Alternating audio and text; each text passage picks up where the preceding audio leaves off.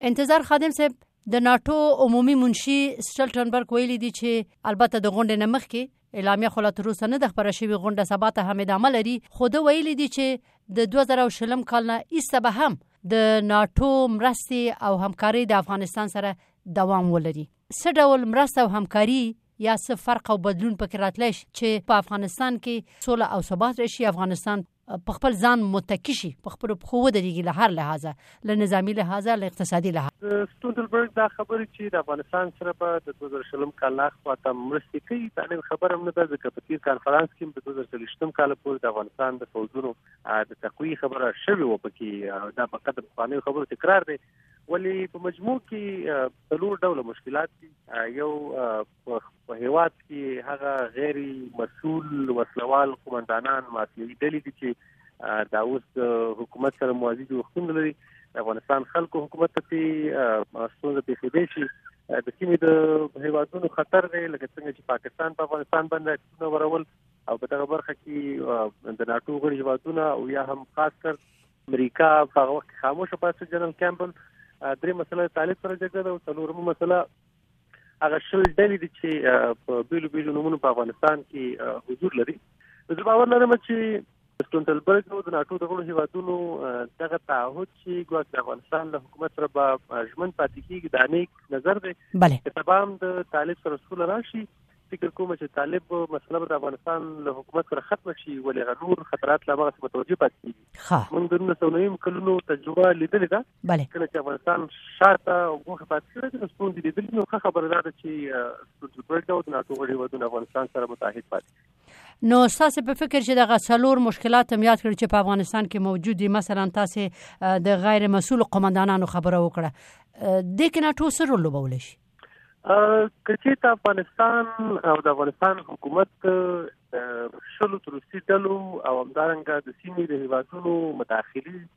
او په څنګ کې د غیر وسلو غیر مسؤل وسلوالو قومندانانو مقابله د پاتې شي نو باور لرم چې په ګوخ ځان باندې لکه څنګه چې ولسمشر غني هم د انګلیس ټلویزیون سره ویلو دوی حتی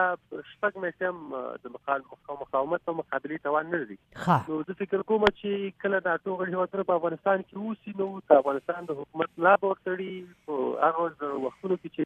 مشورې ته ضرورت دي په هغه وختونو کې چې عملا مداخلې ته ضرورت دی مداخله کوي او افغانستان د بحران نه ساتي او هغه ارزښتونه چې موږ په تیرو څلور کلونو کې درلودلي چې هغه د ساتنې په خاطر باندې د افغانستان د حکومت سره وګپ وګپ پر مخ راځي مګر وبخې انتظار خادم صاحب دغه وسم خو چې تر کومه حد پورې قواوې موجود دي د امریکا یا د ناتو خو د دوی دغه ماموریت خو معلوم دی په دغه ماموریت کې تر اوسه پورې ناتو ولې کامیاب شوی نه ده ولې دغه ډلې چې تاسو مخکې یاد کړې د شل ډلې یا د غیر مسول قومندانان دغه ستونزه ولې تر اوسه نه درفه شوی د ناتو غړي هیوادونو خاص کر امریکا چې د افغانستان په جګړه کې دخیلو دوی غلطه ناسمه نظامی ستراتیژي پر مخ وړي ده د دوی تر سترګو لاندې غیر مسول قومندانان په اسلوب باندې سمبال شوی دي میلیارډونه ډالر ترلاسه کړي دي د ناتو په راتلونکي ستراتیژي کې کامل مطلق تغییر پکار دی دویم دا چې کچې ته د ناتو په حضور په افغانستان کې د غسمون شته دی دا په دې معنی باندې چې لوی خطر طالب دی لوی خطر او مخالف ډله طالب دی چې طالب سره سوله وشي د افغانستان حکومت او طالب یو قالب تراشي نو بیا د دواړو د طالب او د حکومت یو ځایواله او په وخت کې د نړیوال ټولنې مشروع منطقي پر ځای حمایت د دې باعث ګرځي چې غیر مسلول کو مسول قومندانان او وسلوال وګرځي او بل اخر افغانستان یو مدني ټولنه کې او د سولې او ثبات دغه ماموریت کامیابی ته ورسوي یعنی دا یو ستراتیژي ده چې د دې ډلو مخه نه نیسي دغه غیر قانوني وسلوالو قومندانانو مخه نه نیسي مګر که سوله وشي د طالبانو سره نو بیا کېدای شي د هغوی په مقابل کې وجنګي دا یو تکتیک دی نو یعنی د ناټو د قواو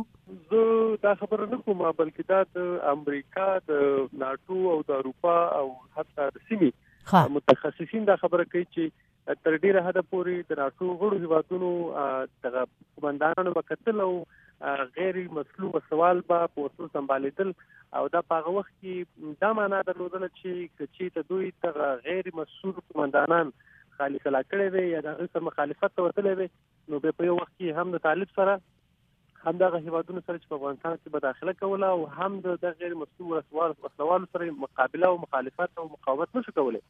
نو دوی دا خبره کوي چې وو دا زمونږ نظامی ستراتیژي و غلطي و اشتباه و چې باید ونه کړی ولی اوس وخت رسیدلې ده چې د طالب سره سوله کیږي نو فکر کوم چې دغه مسله په کې په اتومات ډول باندې حل کیږي چې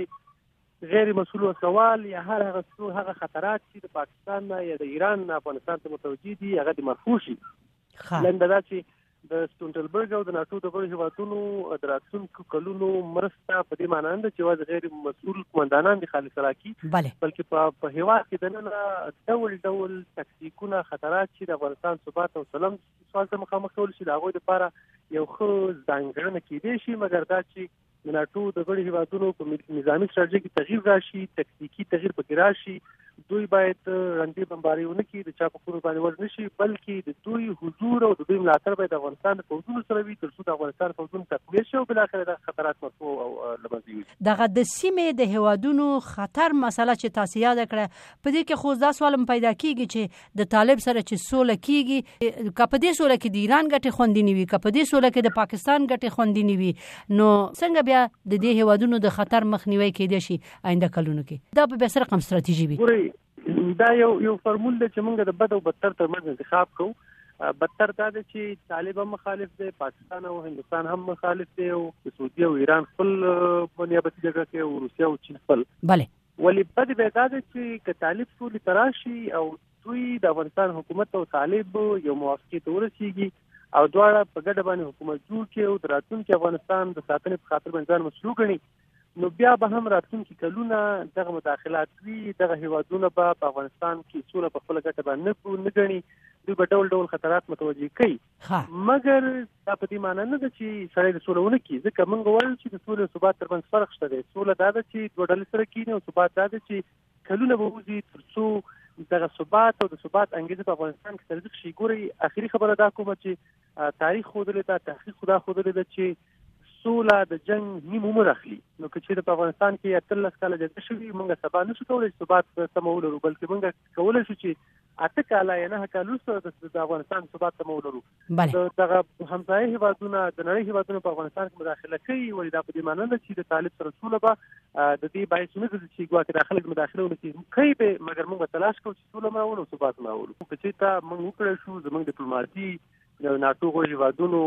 تاثیر د امریکا لابي د دې باعث ورګرځي چې د سیمې هیوادونو په کې راځي شي یا حد اقل موږ څه چوکاټ جوړ کړو چې هلته د افغانستان خاوره د بل هیواد په وړاندې باندې د خیر سخته نه وي د خطر زنګ نه وي د غیر لپاره دا خو دا خو ډیر ښه نظر دی بله مګر که دا څه کیږي موږ هر اقل مخکې ویل چې فرمول به دا وي چې بد او بدتر ترمنځ انتخاب دی بله طریقه به دا وي چې په اوسنیو حالاتو کې صلح برکسل د دغه ناشته یو تر ټولو اساسي هدف وي د ناتو غړي وادونو باید امریکا باندې غږ وکړي چې طالب او د حکومت سره باید مخامخ کینی یا د دوه اړخیز بحث باید وشي یا درې اړخیز بحث باید باید وشي امریکا باید افغانستان له قضیې ځانونه باسي چې طالب وایي چې د امریکا سره کینم نو ښه خبره ده چې د افغانستان حکومت او طالب او امریکا سره کینې او بحث سره وکړي په افغانستان کې نظامی حل لار نشته دی په افغانستان کې د جګړې تداوم د دې باعث نشي کېدی چې طالب له خو وګرځول شي اتل کاله مو دا کار وکړ اوس خبره ده چې تجربه دې شو کو افغانستان قضیه باید داسې حل کو چې د افغانستان جګړې فاکتور څه شي دی کوم هغه دلایل دي چې افغانستان جګړه وکړه کړی دا طالب ته ولی عسكر یا د دوی هغه جنگیالي په بل اصطلاح باندې ډلې ډلې ورځي د دوی مالی سرچینې له کومه ځای دي د معلومات له کومه ځای اخلي نو دې په ځای باندې چې موږ په جګړه باندې د جګړې جګړې په تمدید باندې وغږیږو خه خبردار چې د جګړې د عواملو په مفهوم کول باندې وغږیږو او دا هغه وخت چې ښه ستراتیژي مناسبه ستراتیژي او مخلصه ستراتیژي رامنځته شي د هغه په نتیجه کې به صلح راځي او صلح به بې پاتې وي تزار خادم صاحب کورم ودان تشکر بخیر اوسئ